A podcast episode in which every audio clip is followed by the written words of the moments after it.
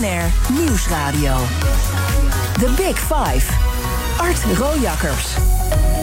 Van het ontstaan van het heelal en de oorsprong van de mens tot de betekenis van ons bestaan. De allergrootste vragen zijn eindeloos gesteld en er zijn boeken over volgeschreven. Toch weten we zoveel nog niet. In BNR's Big Five van de fundamentele vragen gaan we op zoek naar antwoorden. En dat doen we met vooraanstaande wetenschappers en experts. En vandaag is dat Daphne Stam, planeetonderzoeker aan de TU Delft. Welkom. Hallo. Voordat we het gaan hebben over de voorwaarden voor het ontstaan van leven, wil ik eerst twee dingen van u weten. De eerste, hoe groot is de kans dat ons bestaan hier op aarde slechts een ongelukje is? Ja, die is eigenlijk vrij groot, want we weten helemaal niet uh, hoe gewoon leven nu is. We hebben één voorbeeld, onze aarde, daar zitten wij op. Maar we hebben nog geen leven elders gevonden, ook niet op planeten in de buurt. Ja, we weten dus helemaal niet. Nee. En we zijn niet, zoals we lang dachten, het middelpunt van het universum. Nee, jammer genoeg niet, nee. Die aarde waar we op zitten is eigenlijk helemaal niet zo bijzonder... vergeleken met andere nee, planeten. heel gewoon, lijkt het te zijn. Die ja. ster waar wij omheen draaien, de zon, is ook niks bijzonders. Een hele gemiddelde ster, ja. Niet zo'n hoekje van het universum waar we Ja, zitten. maar misschien is dat juist wel belangrijk voor leven. Oh? Hè? Dat het niet al te, te actief is. Hè? Een ster die rustig is, een beetje saai. Misschien zijn dat juist de goede voorwaarden voor leven. Of de goede voorwaarden voor heel saai leven. En is het elders spectaculair? Ja, dat kan ook. Ja, dat is een uh, akelig gevoel voor ons. Ja, is het elders uh, leuker? Hè? Net Ja. als een restaurant waar je in je eentje zit te eten. Precies, of het feestje wat je mist. Precies, ja. Misschien is het ergens wel heel erg gaande in het universum. Ja, en hebben ze ons niet uitgenodigd. Dat vind ik Ja. lullig. Ja, Ja. Maar goed, dan moeten ze er dus wel zijn. Daar gaan we het over hebben, of ze er zijn. ja. Maar eerst nog over het belangrijkste, nou laat ik het anders noemen... het meest bijzondere moment voor u als planeetonderzoeker uit uw carrière. Ja, er zijn hele leuke dingen allemaal gebeurd. Eh, het leuke van planeetonderzoek is dat je een heleboel nieuwe dingen ook tegenkomt. Als er een missie is, zo'n eh, satelliet of een sonde die naar een planeet toe gaat, dan komen er allemaal nieuwe beelden naar tevoorschijn. Dingen die mensen nog nooit hebben gezien. Steeds weer nieuwe ontdekkingen. Dat is heel erg leuk. Ook al doe je niet, die ontdekkingen niet allemaal natuurlijk zelf. En zo heeft u iets Ja. gezien wat één keer in de 84 jaar maar zichtbaar is. begreep ik. Ja, precies. Ja, en dat was, had te maken met Uranus. Dus Uranus is een hele grote planeet. eh, die, ehm, die zit achter Saturnus nog. Die zit ontzettend ver weg, op 30 astronomische eenheden. Eén astronomische eenheid is de afstand tussen de aarde en de zon. Dus die zit 30 keer zo ver. En die planeet staat op zijn kant. En die planeet heeft ringen. Dus we weten, Saturnus heeft ringen. Dat zijn van die hele grote ringen die, eh, ja, die mensen, die Galileo bijvoorbeeld al gezien heeft. En die Christian Huygens, de Nederlandse astronoom, wiskundige, natuurkundige, ingenieur. Die was de eerste die zei van nou, dat zijn ringen. Nou, die kennen we. Maar alle andere grote planeten, Jupiter, Uranus en Neptunus, die hebben ook allemaal ringen. Alleen die zijn heel dun en klein. Nou, en de ringen van Uranus die zijn ook heel dun dus. Dus die kan je met een telescoop, eh, met een gewone telescoop eigenlijk niet zien. En die staan ook op hun kant. eh, omdat die planeet gekanteld is. En als die planeet om de zon heen draait, dan twee keer in het jaar van die planeet kun je die ringen precies op hun kant zien. Nou, en dan zie je ze dus eigenlijk niet. Dat is het leuke, want die ringen zijn heel erg dun. Die zijn nou, eh, misschien een paar tientallen meters dik maar, die ringen. En, eh, en twee keer in dat jaar, ja, dan staat de zon precies op de zijkant van die ringen te schijnen. Dus u En zat in ze Chili. Ja, in Want Daar Chili. is die enorme telescoop. Ja, dat is de Very Large Telescope. En, ehm, en samen met onderzoekers die dan eh, in Californië zaten, eh, op Mount Palomar, en, eh, en een professor Imke de Pater, die zat op Hawaii op de telescoop. En we werkten samen om dus die hele draai van die ringen goed te kunnen meten. Wat voor moment Ja. is dat als dat lukt? Als je het ziet. Want het is dus maar mogelijk één keer in de 84 jaar. Precies. Vanwege alle standen van de planeet en, Ja. en hoe ze draaien. En de vorige keer dat het gebeurde, wisten we nog niet dat Uranus ringen had. Nee. Dus het was de eerste keer dat mensen het konden zien. Ja, dat is heel bijzonder. Je, je kijkt dus niet echt door zo'n telescoop heen. Hè. Dat denken mensen soms dat je met je oog achter zo'n. eh, nee, precies dat niet. Het is allemaal aan computers gekoppeld. Maar dan zie je dus dat plaatje op je computerscherm verschijnen. En dan? dat is wel heel bijzonder. Ja. Om dan te bedenken dat die planeet met ja, die ringen die je dus eigenlijk niet meer ziet, zo ver weg staat. En dat het een uniek moment is. Ja, dat is heel mooi. Die planeet, die, dat is onderdeel van het universum. Is dat eigenlijk te omschrijven in woorden wat het universum is? Nou, ik denk dat heel veel verschillende onderzoekers daar verschillende ideeën bij hebben. Hè, maar het universum is eigenlijk een gigantisch onmenselijk grote ruimte. eh, met een heleboel eh, sterren daarin. En ook al een heleboel dingen die we niet kennen. Hè. Donkere materie bijvoorbeeld. Massa, waarvan we niet weten wat het nou precies is. Maar we weten wel dat het er is. En uh, ja, voor mijn onderzoek zijn dus eigenlijk voornamelijk de sterren. En dan ook de planeten die daar omheen draaien belangrijk. Nou, en die sterren die zitten dus eigenlijk in enorme clusters van honderden miljarden sterren bij elkaar. En dat zijn dus uh, sterrenstelsels. Mm -hmm. Wij zitten in een sterrenstelsel dat we de Melkweg noemen.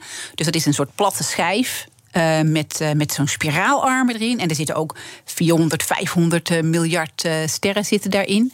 En ja, en die sterrenstelsels, sommige horen weer een beetje bij elkaar.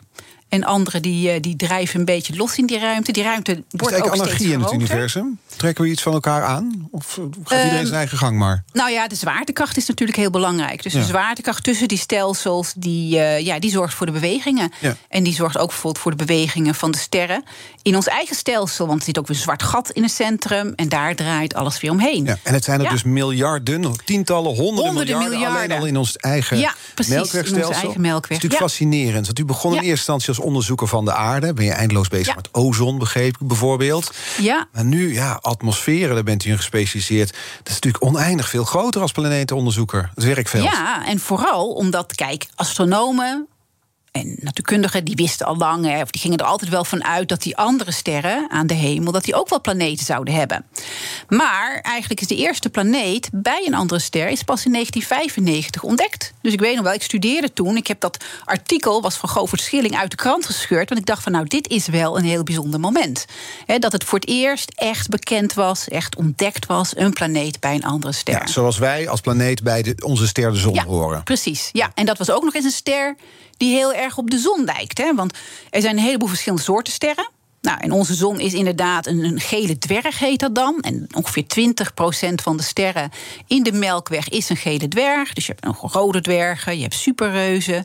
En dit was dus een planeet bij een hele gewone ster, zoals de zon. Ja, ja dus dat was wel een bijzonder moment, ja. ja. En, en uw carrière hangt aan elkaar vast van bijzondere momenten. Want u heeft in New York gestudeerd aan de Cornell University.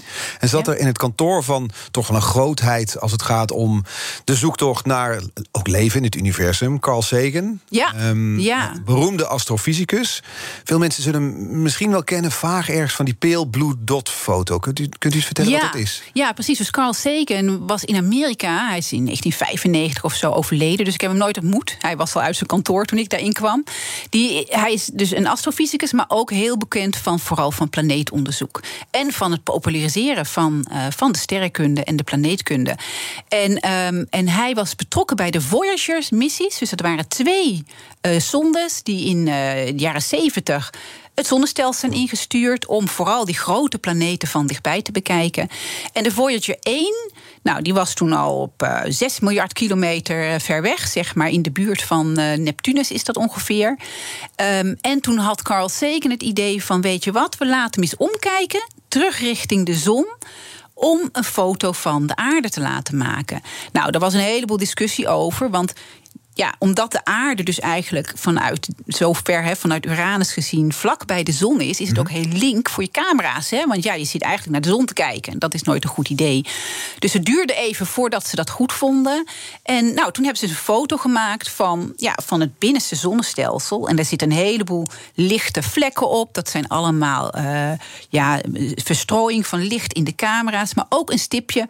En dat is de aarde. Ja, heel, heel klein. blauw Ja. stipje. Het is nog geen pixel groot. Nee. En een enorme grote zwarte leegte. Precies. zei die, Ja. Zelf zei hij daar eh, dit over, over die pale blue dot.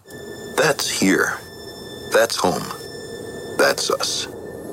On it, everyone you love, everyone you know, everyone you ever heard of, every human being who ever was, lived out their lives.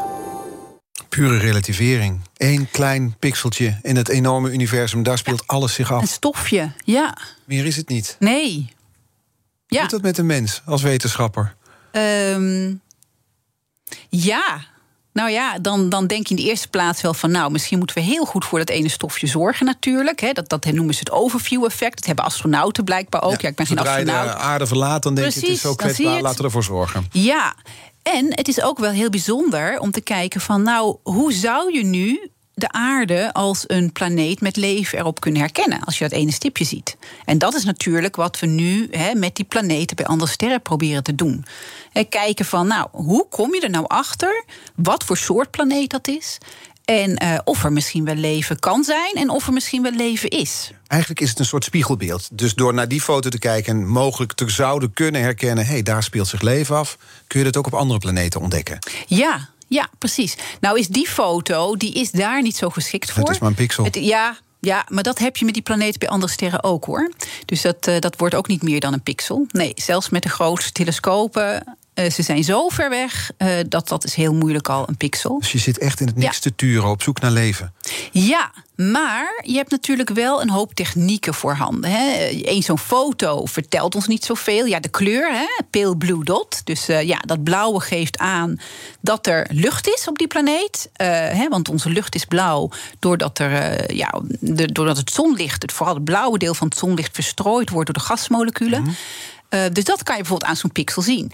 Nou, als je nou zo'n foto maakt van een planeet uh, in heel veel verschillende kleuren, dan kan je ook gaan uitzoeken van wat voor stofjes zitten er nu in die planeetatmosfeer. Bijvoorbeeld ozon of zuurstof. He, want die gassen in de atmosfeer die absorberen bepaalde kleuren zonlicht. Nou, en, en van die kleur vind je dus minder terug in zo'n pixeltje. He, bijvoorbeeld groen, vegetatie bijvoorbeeld. The Big Five. BNR Nieuwsradio. Art Rojakkers. Ja, in de Big Five hebben we deze week over fundamentele vragen. Vandaag bespreek ik die met Daphne Stam, planeetonderzoeker aan de TU Delft.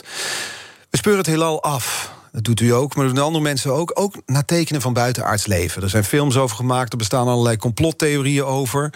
Als u nou een inschatting mag maken, is er ergens in het universum intelligent leven? Ja, ik denk het wel. Wetenschappelijk gezien hebben we daar nog geen enkele aanwijzing voor. Hè? Dus, uh, ja, dus het is niet zo dat ik uh, UFO-meldingen heel erg serieus neem. Nee. Dus wetenschappelijk gezien is er geen enkele aanwijzing voor. Uh, maar als je gewoon kijkt naar het aantal sterren dat er is. Die, die duizenden miljarden sterren, biljarden sterren. Uh, in, het, in het zonnestelsel of in het melkwegstelsel alleen al zijn er waarschijnlijk 300 miljoen sterren, of sterren die planeten hebben, die klein zijn, zoals de aarde, waarschijnlijk van rots gemaakt. En die ook een lekkere temperatuur kunnen hebben. He, dat is natuurlijk ook nog wel belangrijk. Dus 300 miljoen kansen op leven. Precies, ja. ja. Uh, dus dat, uh, dat zijn een heleboel er eentje raad, zou, ik, zou je dan denken, Dat zou toch? je haast wel denken, ja. Dus het is eigenlijk ja. statistiek? Dat is statistiek, ja.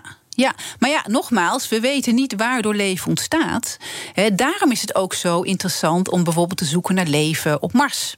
He? Want uh, als we daar leven aantreffen, dat niet gerelateerd is aan het aardse leven. Hè, dus het is niet de bedoeling dat je bacteriën meeneemt en daar dan uh, die per ongeluk daar weer terugvindt. Um, dan krijg je dus wel een beetje een aanwijzing voor hoe makkelijk leven zou ontstaan. Mm -hmm. He, want als we op aarde kijken. Nou, dan is het eerste leven 3,5 miljard jaar geleden ontstaan. En de aarde is zo 4,6 miljard jaar oud. Dus eigenlijk zodra de omstandigheden op aarde goed waren ontstond te leven. En goed betekent dus niet te koud, niet te heet vooral. Hè? En uh, met vloeibaar water. Ja, toen is op aarde leven ontstaan. Dus dat geeft wel een beetje aan dat het eigenlijk heel makkelijk kan.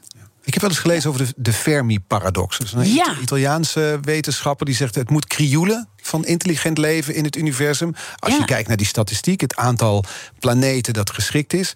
Maar we horen niks, het is doodstil. Waar ja, zijn ze allemaal? Precies, ja. En dat was in 1950. Dus toen hadden we eigenlijk nog helemaal die statistiek niet... van hoeveel planeten er nou bij andere sterren waren.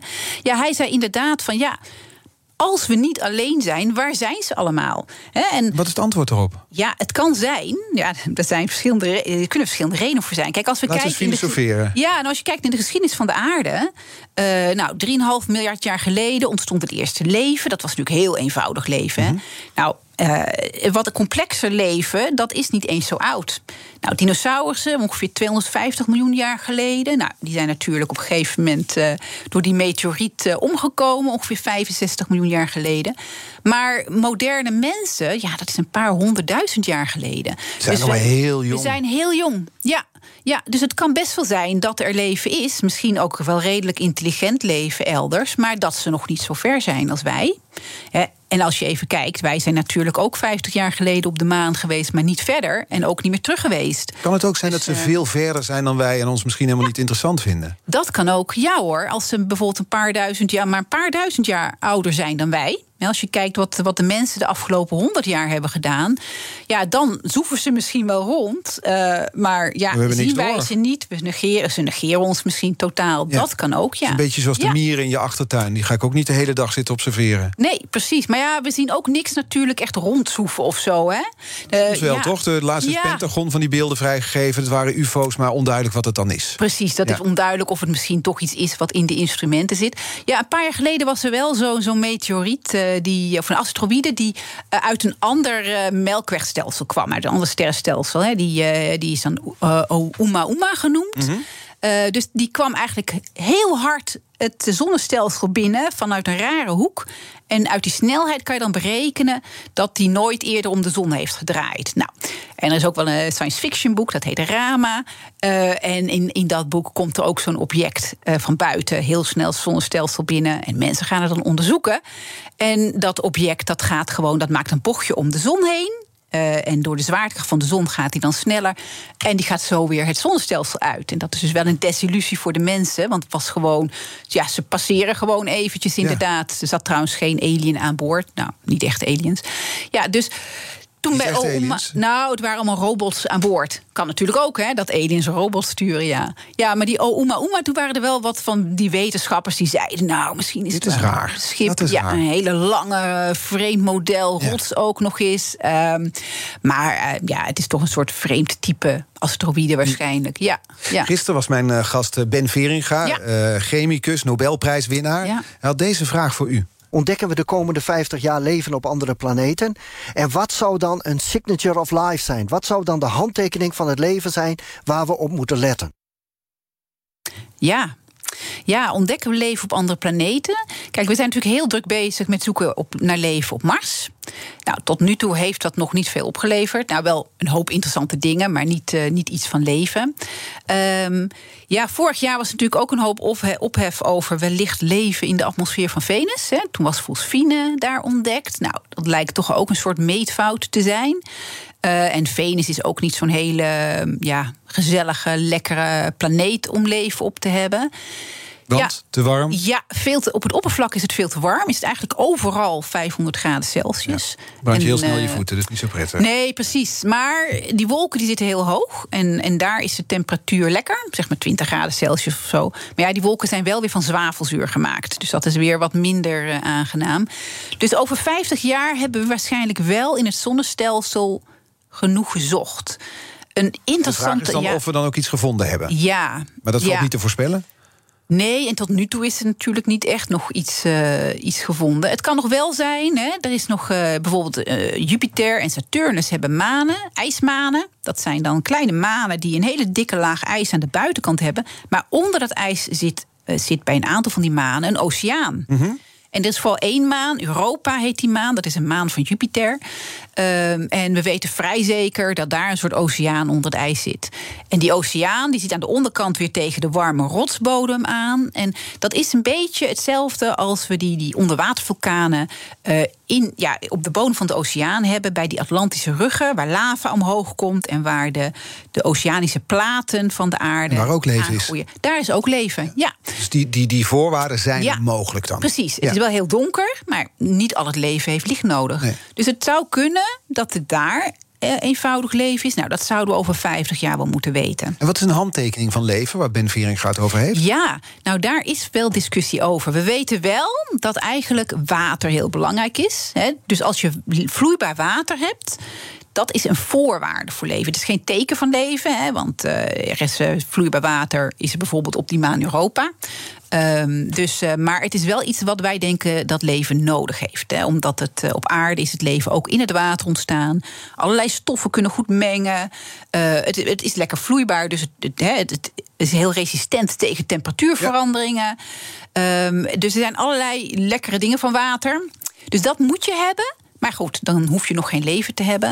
Um, ja, een ander teken wat je, in de atmosferen van planeet zou kunnen vinden, is, een, is um, uh, gassen die niet in evenwicht zijn. Kijk, als je. Uh, leven produceert allerlei gassen. Bijvoorbeeld hè, planten op aarde produceren zuurstof. Ja. Nou, als je die planten allemaal uit zou kunnen zetten, dan zou die hoeveelheid zuurstof afnemen. Ja, gisteren leerden we van Veringa, als je in evenwicht bent, dan ben je dood. Precies. Ja, dus precies. dat geldt eigenlijk voor een hele planeet ook. Als een Ja. planeet in evenwicht is, dan is er geen leven. Nee, nee, precies. Nou, en als je dus bijvoorbeeld zuurstof op aarde is niet in evenwicht, het wordt geproduceerd. Hè, dus op aarde is een enorme hoeveelheid zuurstof. Op Mars is ook een heel klein beetje zuurstof. Mhm. Op Venus ook, maar niet zoveel. Dus je verwacht dat als je op een planeet zoveel zuurstof vindt, dat iets die zuurstof moet maken. Dat, natuurlijk kan het zijn dat het een of ander geologisch proces is. Hè. Ehm, die zijn er, maar wij kennen geen proces dat heel veel zuurstof maakt. Nou, zuurstof is zo'n gas waar je dus naar kan zoeken. Ja, dus dat zijn, Ja. dan, dat zijn eigenlijk sleutels waar je naar kan kijken. Stel nou dat het dus binnen 50 jaar zo is dat ergens iets wordt gevonden. Dat zou natuurlijk een schokgolf geven. Ik kwam, ik Ja. kwam, die wil ik toch even nu voorleggen. Ik kwam een, een, een bericht tegen van een voormalige veiligheidschef van het Israëlische ruimteprogramma. Eh, een man met veel decoraties op zijn, eh, op zijn borst. En die zei: er is al een overeenkomst tussen de Amerikaanse regering en een buitenaardse beschaving. Maar het geheim eh, blijft geheim om massahysterie te voorkomen. En Donald Trump zou dan op het punt hebben gestaan een bestaan te onthullen. Dat is dan weer zo'n claim van iemand die dan zegt: Ik ben oud, ik heb niks meer te verliezen. Nu kan ik het wel vertellen. Ja, ik, ik ben daardoor gefascineerd. Maar ik zie u al meteen denken: wat een onzin. Ja, ik, ik, ik hecht daar niet zoveel waarde aan. Nee, nee, nee, Want ik zou dan denken dat we dat, dat anderen ook al sporen zouden moeten hebben gezien van zoiets. Ja, en, en hè, grote radiotelescopen worden gebruikt hè, door wetenschappers om te zoeken naar bijvoorbeeld speciale radiosignalen. Hè. Nee. Eh, en tot nu toe is daar inderdaad niks van gevonden. Het is altijd wat anders. Bijvoorbeeld een interessant nieuw soort ster of zo. Tot nu toe is het stil. We praten zo eh, verder met planeetonderzoeker Daphne Stam over hoe we zeer ver we zijn met onze zoektocht naar een tweede aarde. Blijf luisteren.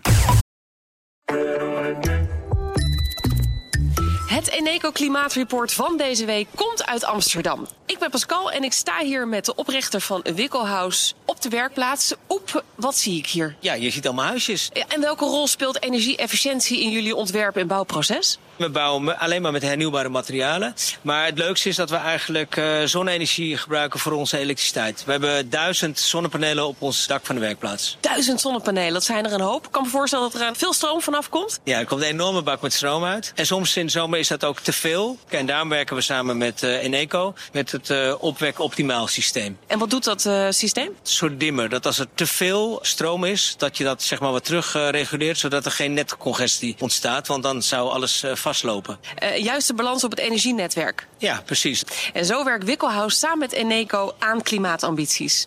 Is het ook iets voor jouw bedrijf? Check dan eneco.nl slash klimaatambities. BNR Nieuwsradio. The Big Five. Art Rojakkers. Welkom bij Tweede Half Uur. Deze week vijf kopstukken over de fundamentele vragen.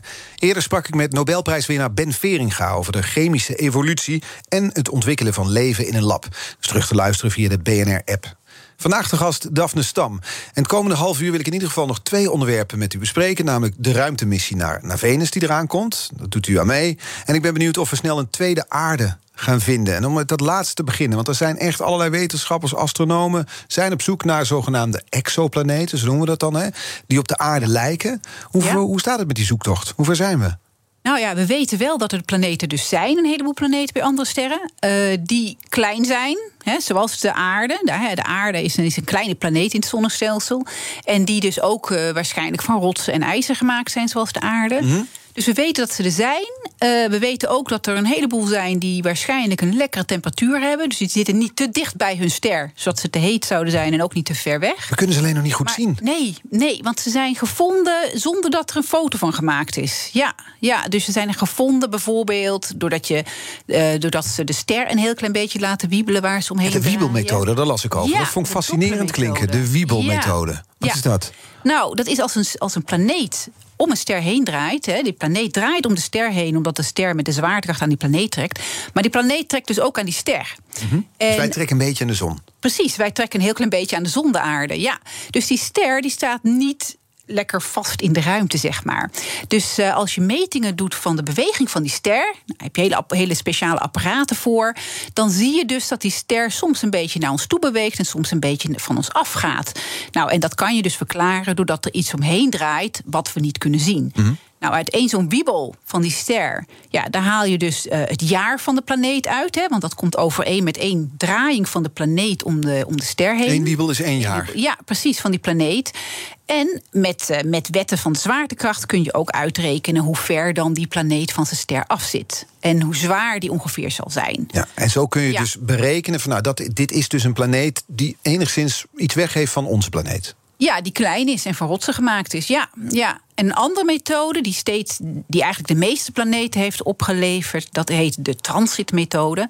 En dat is eigenlijk dat je naar een heleboel sterren tegelijkertijd kijkt. Ja, dat doet de telescoop dus met computers erachter die dat checken. En uh, je, je kijkt dus eigenlijk of er af en toe een planeet voor zijn ster langs beweegt. Dus tussen de ster en ons langs beweegt. Waardoor je eigenlijk een mini-eclips op de ster hebt. Dus een soort verduistering krijg je. Ja. ja.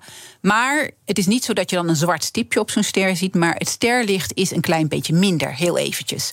Nou, en dat, Alsof het dat, licht heel even uitgaat. Heel, ja, nou niet heel erg, niet echt uit. Want bijvoorbeeld. Minder wordt. Heel, een heel klein beetje minder. Ja. Want bijvoorbeeld als de aarde, hè, als ik een alien zou zijn, ik zou naar het zonnestelsel kijken. En ik zou toevallig ook de aarde onder de juiste hoek bekijken. Hè? Want de aarde draait in een baan om de zon heen. Dat is een soort platte baan. Mm -hmm. Dus als alien moet je dan ook wel in datzelfde vlak zitten. Niet hoger of lager Nee, zitten. want dan zie je dat dus niet. Nee. nee, maar dan, is dus, dan zou je dus één keer per aards jaar... Een, een heel klein dipje in het sterlicht hebben... van, nou, van minder dan een procent van het sterlicht. Ja. Um, ja, en dat, uh, ja, dan moet je weer een jaar wachten en dan zie je het weer. Nou, dus dat is ook een hele moeilijke dat is uw beroep. Nou, ik zoek, niet naar, ik zoek zelf dus niet naar die planeet. Okay. Dat doen andere mensen. Ja, nee. maar dat, dit is een beroep. Het is een, ja. Mensen die zitten te wachten tot ergens heel even nou, wat minder licht te zien is. Nou, dat doen ze dus niet zelf. Nee, dat doet de computer inmiddels voor ze. Ja, die telescopen die kijken naar honderdduizenden sterren tegelijk. Ja. Hè, omdat die stipjes, die, die dipjes zo zeldzaam zijn en zo klein zijn. En dan zitten er gewoon computerprogramma's achter. Die checken van al die sterren tegelijk. Exact. En die zijn er, ja. dus, die zijn er dus, die planeten. Dat weten we. Ja. Zonder dat we ze gezien hebben, maar Ja. ze zijn er. Wanneer gaan we in staat zijn om te onderzoeken of zo'n planeet dan ook daadwerkelijk levensvatbaar is? Nou, voor de kleine planeten dus, hè, uh, hebben we echt hele andere telescopen nodig. Ja. Dus bijvoorbeeld, er wordt in Chili al een enorme telescoop gebouwd. Een Europese telescoop. Dat is de Extremely Large Telescope. Dus de ELT. En die heeft een, een, een spiegel. Ja, die bestaat uit allemaal kleine spiegels van iets van 35, 36 meter doorsnede. Dat is echt een enorme telescoop op een bergtop. Nou, die zou foto's kunnen maken van kleine planeten die uh, om sterren in de buurt draaien. Dus niet sterren die ver weg staan. Dat, maakt, dat is alweer te moeilijk eigenlijk. En die foto's, dat zijn dan foto's zoals die Pale Blue Dot. Dus Ja. minder dan een pixel. Ja, en daar Ja. moet je het dan mee doen. Daar moet je het mee doen, ja. En er wordt ook heel hard nagedacht al eh, door astronomen en planeetonderzoekers over de hele wereld om een, eh, een grote ruimtetelescoop te bouwen. Want dat is makkelijker. Nou, het is niet heel erg makkelijk, maar dan zit je dus niet onder de aardatmosfeer te kijken. Hè, want die, die vertroebelt ook nog eens het beeld. Dus een ruimtetelescoop die groot genoeg is eh, en, en de juiste metingen kan doen om dit soort planeten ook op de foto te zetten. Maar ja, dan is het nog steeds minder dan een pixel. ja. Ik, word, ik zou er toch wel dan moedeloos van kunnen worden... als je toch maar op minder Ja. dan een pixel je onderzoek moet baseren. Ja, maar je kan wel een heleboel uit één zo'n pixel halen. En dat is, dus, uh, dat is dus het interessante. En daar doen we dus heel veel onderzoek naar. Ja. Want ja, een planeet als de aarde, die draait natuurlijk rond om zijn as. Hè. In, in een dag draait de planeet uh, om zijn as heen. Dus als je als alien naar het ene pixeltje van de aarde zou kijken... dan zou dat pixeltje in helderheid variëren. Omdat er bijvoorbeeld een continent voor je neus zit... en dan weer een oceaan. En je zou bijvoorbeeld, als je in verschillende kleuren zou meten... zou je dus inderdaad misschien een, een soort uh, meer licht in het groen ontvangen... Uh, van vegetatie vegetatie is eigenlijk vooral heel goed herkenbaar in het verre rood. Wat wij niet kunnen zien met onze ogen, het infrarood. Daar is vegetatie echt heel erg fel van kleur eigenlijk. Mm -hmm. Dus daar kan je als alien ook naar kijken. Uh, het kan natuurlijk heel goed zijn dat vegetatie op andere planeten heel anders is dan bij ons. Dus niet groen en zo. Dus, uh, Want dat vroeg me überhaupt af. Is het niet heel beperkt dan zoals wij nu kijken? Want we zoeken dus eigenlijk in op andere planeten naar dingen die op ons lijken. Dat is ook heel menselijk. We gaan altijd Ja. op zoek naar iets waar, wat we, waar we onszelf mee kunnen vergelijken. Ja. Is het totaal ondenkbaar dat mocht er ergens anders een intelligente vorm van leven zijn, dat het helemaal niet op ons lijkt? En dat we dus zoeken naar iets Ja, wat niet bestaat, terwijl er een heleboel andere dingen wel bestaan... die we niet kunnen herkennen. Ja, dat zou kunnen. Ja, ja maar die zoektocht, zoektocht is al zo ontzettend moeilijk. Je moet maar ergens beginnen. Precies, ja. En dit is iets wat we kunnen herkennen. Een beetje alsof ja. je vier sleutels kwijt bent. Dan begin je ook op de meest logische plek. Ja, precies, ja. Ja, ja, Dus uh, ja, dit, we weten ja, hoe wij zijn. Nee. En, en nu zei u al, van, ja, stel dat je als alien dus die pale blue dot foto bekijkt. Ja. Uh, als we dat eens omdraaien inderdaad. Ik begreep dat onze planeet, en mogelijk dus ook wij, onze beschaving... te zien is vanuit 1715 andere zonnestelsels. Klopt dat? Ja, Ja. ja. in die stelsels kunnen ze dus uh, een, een mini-eclips van de zon zien... als de aarde ervoor langs En dat beweegt. duidt dus op Ja. het feit dat er een planeet rond die zon draait. ja, wij op aarde. Precies. Kan dat dan ook betekenen dat wij dus van, vanuit een van die andere zonnestelsels gespot zijn? Dat zou kunnen, ja. Maar uh, met die methode van die mini-eclips krijgen ze dus niet veel informatie over ons. Nee, dus daar heb je echt die grote telescopen voor nodig. Nou, die hebben ze misschien ook wel. Dus het kan zijn dat wij inderdaad gespot zijn. Ja. Maar ja, dan moet je afvragen of die aliens ons dan weer herkennen als leven. Ja. Ja. En of, ze dan, ja, of wij genoeg op hen lijken. Misschien zijn Ja. zij ook weer op zoek naar iets wat op hen lijkt. Ja. Ja. Het is echt, het is, het is eindeloos, hè? Ja. Nou, nu is er, jij En zei... wat is uw vakgebied Ja. dan ooit eh, klaar? Want ik- kijk, ja, u, ja, hoe lang heeft u nog in een werkzame leven te gaan? Hoeveel jaren? Nou, nog wel een tijdje. Ja, nog, Ja. nog een poosje. Maar als je Ja. kijkt op de schaal van het universum, is niks. Is het een lichtflits en dan is die Dat carrière zo. ook weer voorbij. Dus dat lijkt me als wetenschapper in uw werkveld wel een dilemma waar je mee worstelt. Het is nooit klaar. Nee, nou is het wel zo dat, eh, dat eh, astronomen... eh, die, die gaan niet echt snel met pensioen. die blijven mee. meestal gewoon doorwerken, Ja. inderdaad. Maar het kan heel goed Maar zijn dan dat nog op 3,7 Precies. miljard jaar. Ja. Nee, maar ja, je moet wel stappen zetten. Hè? En bijvoorbeeld als je zo'n grote ruimtetelescoop... op een gegeven moment wil hebben... ja, dat duurt gewoon heel erg lang voordat de preset... Het zijn, hele dure projecten, dat kost eh, 2 miljard of zo. En, en de hele voorbereiding is heel lang. En je wil dus er zeker van zijn dat er de goede instrumenten op zitten... die dan ook echt de juiste metingen kunnen doen... als zo'n telescoop eenmaal in de ruimte hangt. En daar zijn wij dus hard eh, mee aan het werk. Ja, is dat het project genaamd Loop? Ja, dat is Loop. Dus het is een project samen met astronomen Frans Snik en Christophe Keller in Leiden. En eh, een promovenda, Dora Klinchit, die werkt daar ook aan. Dus wij werken aan een instrumentje, vrij klein moet het zijn. Dan, dat is handig voor ruimtemissies. ehm, dat vanaf de maan naar de aarde kan kijken. En, eh, Gaan we weer naar onszelf zitten turen? ja, en dat is om te kijken van hoe zouden we nu op aarde ja, leven kunnen herkennen. Eh, dus als je op de maan zit, het leuke is, dan zie je dus de hele aarde in beeld. Als je bijvoorbeeld in het ruimstation zit, op het ISS, dan zie je steeds maar een heel klein stukje aarde. Ja, je ziet de kromming van de aarde en een Precies. paar maar een gedeelte. Ja, en ja. de maan heeft genoeg afstand om de hele aarde te kunnen zien. Ja, en het leuke is als je op de voorkant van de maan zit, omdat de maan altijd dezelfde kant naar ons gekeerd heeft. Blijft de aarde ook heel mooi in beeld hangen. Het is niet zo dat die opkomt en dan weer ondergaat. En dan moet je weer wachten tot die weer verschijnt. Wat hoopt u ervan te leren om dat vanaf de maan te observeren?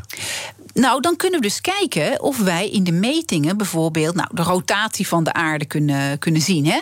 Dus wij gaan, onze bedoeling is om de aarde ook als één pixel eigenlijk waar te nemen. Alsof, het, alsof wij aliens zijn. Nou, dus dan willen we kijken van hoe herken je nou de rotatie. Nou, dat is op zich niet zo moeilijk. Hè, omdat we continenten hebben en dergelijke.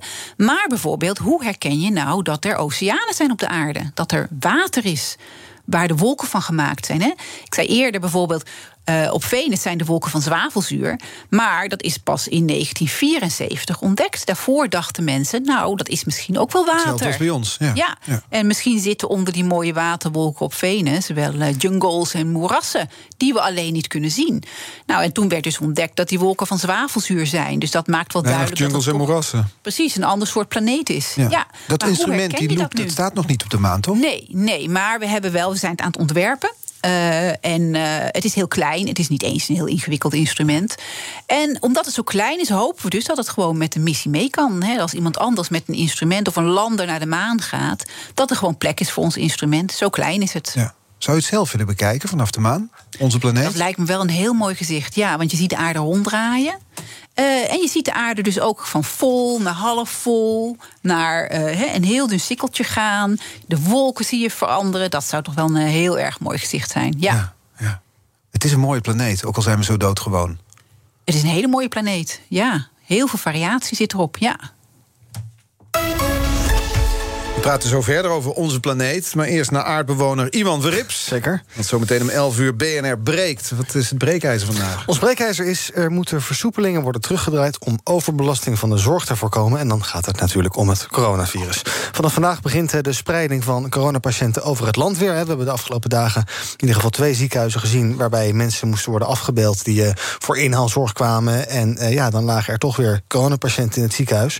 Um, nu zo'n 620 mensen met het coronavirus in het ziekenhuis. Dat loopt naar verwachting op tot 800.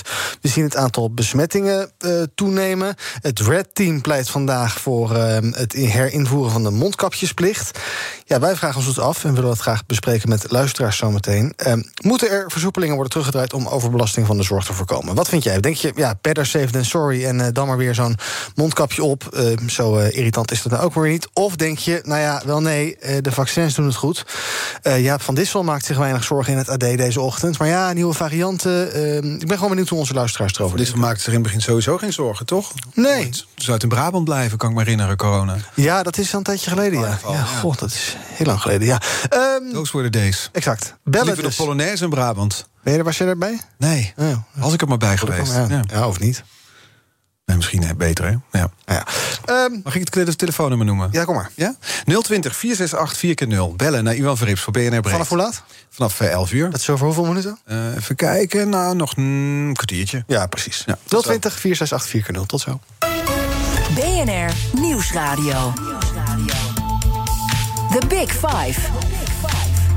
Art Rojakkers. Je luistert naar BNR's Big Five van de fundamentele vragen. Later deze week praat ik nog met Denker des Vaderlands Paul van Tongeren... over de betekenis van ons bestaan. Mijn gast vandaag, Daphne Stam, planeetonderzoeker aan de TU Delft. Laten we eens wat uh, dichter bij huis gaan kijken. Of nou ja, dichter bij huis. We gaan het hebben over Venus. Die staat niet heel ver van ons vandaan, toch? Nee, dat is in principe de planeet die dichtst bij ons staat. Ja. ja. Hoe lang zijn we onderweg om bij Venus te komen? Ja, je vliegt er niet direct naartoe. Dat, dat is, duurt wel een paar maanden, toch wel. Ja. ja een tussenstopje her en der. Nou ja, vaak draaien dat soort zondes een paar keer om de aarde heen om wat snelheid te krijgen. En dan, en dan moet je een beetje. Op. Precies. Ja. ja, ja. Want er, er, is een plan uh, vanuit de Europese ruimtevaartorganisatie ESA om een ruimtemissie naar Venus uh, nou ja, in, tot stand te brengen. Ja. Werkt u ook aan mee? Ja. Wat hopen jullie daar te vinden? Um, nou, een heel belangrijk onderdeel van deze missie is om te kijken van waarom is Venus nu zo verschrikkelijk anders dan de aarde. Ja, dus van, uh, als, je, als je alien zou zijn en je zou naar ons zonnestelsel kijken. Uh, dan zou je misschien wel denken dat Venus eigenlijk best een lekkere planeet is. He, want het staat wel wat dichter bij de zon. Maar Venus reflecteert ook een heel groot deel van het zonlicht wat er opvalt door al die wolken. En daardoor, als je een beetje een eenvoudige berekening doet, dan kom je er eigenlijk op uh, uit dat Venus misschien wel onder de wolken koeler is dan de aarde. Mm -hmm. Dus eigenlijk is Venus, ja, van een afstandje gezien, lijkt het eigenlijk wel op de aarde. En mensen dachten natuurlijk al heel, heel, voor heel lange tijd dat Venus ook bewoonbaar zou zijn. Totdat we er uh, in 1960 of zo achter kwamen dat het 500 graden op het oppervlak is. Ja, ja. ja.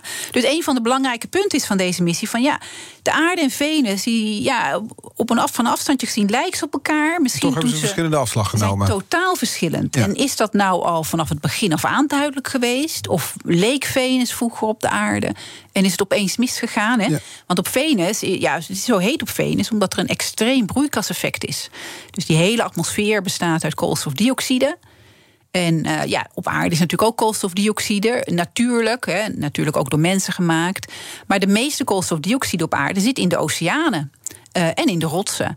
Dus als je alle koolstofdioxide op aarde bij elkaar optelt, dan krijg je eigenlijk ongeveer hetzelfde als wat je op Venus hebt. Ja. Ja, en, en hoe is dat nou gebeurd? Wanneer is dat gebeurd? Ja, dat, dat zijn de vragen. niet. Nee, dat zijn de vragen ja. waar antwoord op moet komen. Ik vind Ja. het ergens ook onnuchterend. Want het is dus de planeet die zo dicht bij ons staat, die ook enigszins op ons lijkt. Er zijn al vaker ruimtemissies naartoe geweest. En toch is het nog best een mysterie, die planeet. Ja, en dat komt ook voor grotendeels door die wolken. Het is echt totaal bewolkt, altijd. Uh, Christian Huygens weer, die zei dat ook al. Uh, van nou, ik, ik zie helemaal niks. Uh, misschien is daar wel een hele dikke atmosfeer. En waaronder dan de oceaan en het land zitten. Ja. Dat is natuurlijk niet Maar als zo. we dus al zo Ja. weinig weten over die buurplaneet Ja. van ons... hoe kunnen we dan ooit ergens verder weg meer te weten komen over planeten... of over mogelijkheid van het ontstaan van leven daar? Ja, nou dat is, een, dat is een goede vraag. We moeten inderdaad nog veel meer weten van planeten in het zonnestelsel. Maar ja, daar blijft ook steeds weer iets nieuws te ontdekken. Hè? Dus als je nu zegt van nou, we gaan niet verder met die planeten bij andere sterren. Ja, dat, dat heeft ook niet zoveel zin. Maar uh, dit onderzoek naar Venus is dus ook wel heel belangrijk om die planeten bij andere sterren te begrijpen. Ja. Als we zo'n kleine planeet vinden, ja, hoe weten we dan of dat een aarde is of dat het een Venus, Venus is? Ja. ja. En zijn misschien is misschien 95% van die kleine planeten bij andere sterren zijn dat Venussen. Of zijn dat aardes? Of weer iets heel anders natuurlijk. Als we eens een planeetje verder kijken, we gaan naar, naar Mars toe, dan weten we wel, wel wat meer van. Er rijden ja. middels Mars rovers rijden er rond. Er zijn plannen om een kolonie daar uh, naartoe te sturen, ja. om een soort leven op te bouwen. Uh, er wordt volgens mij in de Israëlische woestijn wordt, wordt dan een leven op Mars nagebootst. Ja. Hè? ja. Ga, gaan daar echt mensen rondlopen? Is uw inschatting op Mars? Ja, op een gegeven moment wel. Ja, ja. wij dat nog mee? Ik hoop het wel. Ja, wat een beetje jammer is, is dat het steeds weer verder naar voren wordt geschoven. He, ik, ik las dus een interview met zo'n zo'n astronaut die op de maan was geweest. Die dacht toen echt van, nou, over tien jaar staan ze op Mars. He. Nu staan we op de maan over. Nou, dat is dus nooit gebeurd. Um, ik denk wel dat het binnen afzienbare tijd uh, gaat gebeuren. Het is heel moeilijk. Afzienbare tijd is dan binnen enkele decennia. Ja, ja dat hoop ik wel. Ja, ja. Maar het, en is dat dan, ja. in uw werkzame leven, is dat dan de doorbraak waar we nu allemaal op wachten? Of is er eigenlijk iets waarvan u zegt, nou, als ik dat in mijn carrière nog meemaak, dat is echt de stap waar we nu op zitten te wachten? Nou, wetenschappelijk gezien is het niet de stap waar we op zitten te wachten, denk ik. Want die karretjes die kunnen ook echt heel erg veel onderzoeken. We hebben ook nog allemaal satellieten die om Mars draaien. Dus daar kan nog veel meer mee gedaan worden. Het is natuurlijk wel zo hè, dat een astronaut uh, die echt daar rondloopt veel flexibeler is en veel makkelijker dingen kan onderzoeken. Maar ik denk dat je met, uh, met robots uh, en artificial intelligence echt wel een eind kan komen. Mm-hmm. Maar ik denk dat het wel inspirerend is. Ja. Ik een van mijn eerste herinneringen, nou toen was ik dus uh, nog geen twee. Dat was dat mijn vader tegen me zei dat er man op de maan waren. Ja. En uh, dat was de laatste landing dus. In 72, dat ik uit het raam keek, kan ik me nog herinneren. En ik dacht, ik zie helemaal niemand. Ja, ja. ja. Dus het is wel inspirerend. Het is prestige, het, het, het, het ja. geeft inspiratie, dat is het. Precies, maar het is niet makkelijk om op Mars te gaan leven. Het is eigenlijk een heel klein planeetje. Er is natuurlijk niet echt een atmosfeer, een beetje koolstofdioxide atmosfeer. Er is geen magneetveld. Hè. Op, bij, op aarde beschermt het magneetveld ons voor allerlei gevaarlijke straling van de zon. Mm-hmm. Dat heb je op Mars niet, dus het is gewoon heel gevaarlijk. Ja, het is ook heel koud in het algemeen. Um, er, ja, je kunt natuurlijk, er zit wel waterijs in de grond, maar ja, daar moet je toch wel wat voor doen om, dat, uh, om water, vloeibaar water te krijgen. Je moet voor, voor, zuurstof zorgen. Natuurlijk kan dat wel, maar het is niet zo makkelijk om daar maar naartoe te gaan. Het is geen club met vakantie. Nee, naar zeker Mars. niet. Nee. nee. Terwijl er toch ook wetenschappers zijn die ervan overtuigd zijn dat we niet op aarde kunnen blijven. Dus dat zoiets, zo'n missie naar Mars niet alleen prestige is, maar uiteindelijk ook no noodzaak. Dat een interplanetaire soort worden als mens. Omdat wij, we maken er hier een potje van op aarde. Dus we zullen op een gegeven moment ook wel ergens anders naartoe moeten. Ja, we maken er inderdaad wel een beetje een potje van. Uh, wat wel goed is van dat onderzoek bijvoorbeeld van hoe kunnen mensen op Mars leven, is dat uh, als je op Mars wil leven, moet je natuurlijk ontzettend efficiënt met je grondstoffen om, omgaan. Nou, daar kunnen we, ik denk, best wel wat van leren op aarde. Hè. Je hebt ook geen, geen olie en aardgas op Mars natuurlijk. Dus ja, er zijn een heleboel technologische innovaties die je natuurlijk kan doen als je dat onderzoekt. Op een gegeven moment. Nou, we hebben nog wel even de tijd. Dan stopt de zon er natuurlijk wel mee. He, de zon een miljard jaar, dacht ik toch? Of? Ja, nog iets van uh, 5 miljard jaar of, of 5 zo. miljard. Nou, ja, we hebben nog even. We hebben nog even de tijd. Maar ja, ja dan, ja, dan is de zon uh, op het einde van ja. zijn leven. Ja. Uh, dan wordt het hier wat minder fijn. Dan wordt het op Mars ook niet fijn. Nee. Dus dan moet je wel weg zijn als we het, als we het zo lang nog overleven, natuurlijk. Ja. Maar de vraag natuurlijk, hè, of we het zover gaan redden als mensheid. Ja, nou dat is ook natuurlijk wat soms astronomen zeggen. We vinden verder geen intelligent leven, omdat ze gewoon nooit zo ver komen mm -hmm. dat ze door de ruimte kunnen gaan zoeven met z'n allen. Komt er nee. weer een asteroïde die inslaat? Ja, of ze maken het zichzelf veel te moeilijk. Ja, ja. Dat wat wij nu eigenlijk ook aan doen Precies, zijn. ja, dat is wel een beetje een pessimistische uh, kijk. Ja. ja. Ja, nou, laten we dan iets optimistischer ja. eindigen. Want ik had nog een vraag over. Nee, de kettingvraag, die moeten ja. we stellen. Die mag ik niet vergeten. Morgen nee. is hier Paul van Tongeren te gast, filosoof, denker des vaderlands. Wat zou u van hem willen weten? Nou, eigenlijk iets waar we het een beetje over gehad hebben. Van wat zouden nou de effecten op de samenleving zijn als het bekend zou worden, dus algemeen bekend, hè, niet, niet bij geheime diensten, dat er een intelligent, dat er intelligent leven op een planeet redelijk in de buurt is, waarmee je zou kunnen communiceren. Wat zou dat met onze samenleving doen? En misschien nog een andere vraag. wat zou het met de samenleving doen als eigenlijk blijkt dat we inderdaad helemaal alleen zijn? Ja. Twee mooie vragen die we hem eh, gaan voorleggen. Ik zit meteen te bedenken wat het zou doen. De, de opwinding die zich van ons allemaal meester zou maken... als inderdaad bekend wordt dat er ergens op een buurplaneet een intelligente beschaving klaar zit om onze handen te schudden. Ja, en dan landen die dan uh, als eerste vriendjes willen worden. Of, of moeten we gewoon allemaal heel stil zijn en hopen dat ze ons niet meer... overslaan. Ja, precies. Ja, ja. We gaan het er morgen vragen. Paul van Tongeren, filosoof en denker des Vaderlands. Dank voor het interessante gesprek en de blik in het universum en die, uh, op die andere planeten. Daphne Stam, planeetonderzoeker aan de TU Delft. Um, de afleveringen van BNR's Big Five die zijn natuurlijk terug te luisteren. Onze podcast is te vinden in de BNR-app en ook op bnr.nl. En nu op deze zender Ivan Verrips, BNR Breekt. Daar gaat het over corona hebben, of we de versoepelingen moeten terugdraaien... mondkapjes weer moeten komen, et cetera. Tot morgen. Bij BNR ben je altijd als eerste op de hoogte van het laatste nieuws. Luister dagelijks live via internet. Jelle Maasbach. Wesley Weert. We zijn er voor je met het leukste, opvallendste, maar natuurlijk ook het belangrijkste nieuws. Tijdens de presentatie van die halfjaarcijfers toen die beurskoers in elkaar kukkelde. BNR Beurs. Voor de slimme belegger. Blijf scherp en mis niets.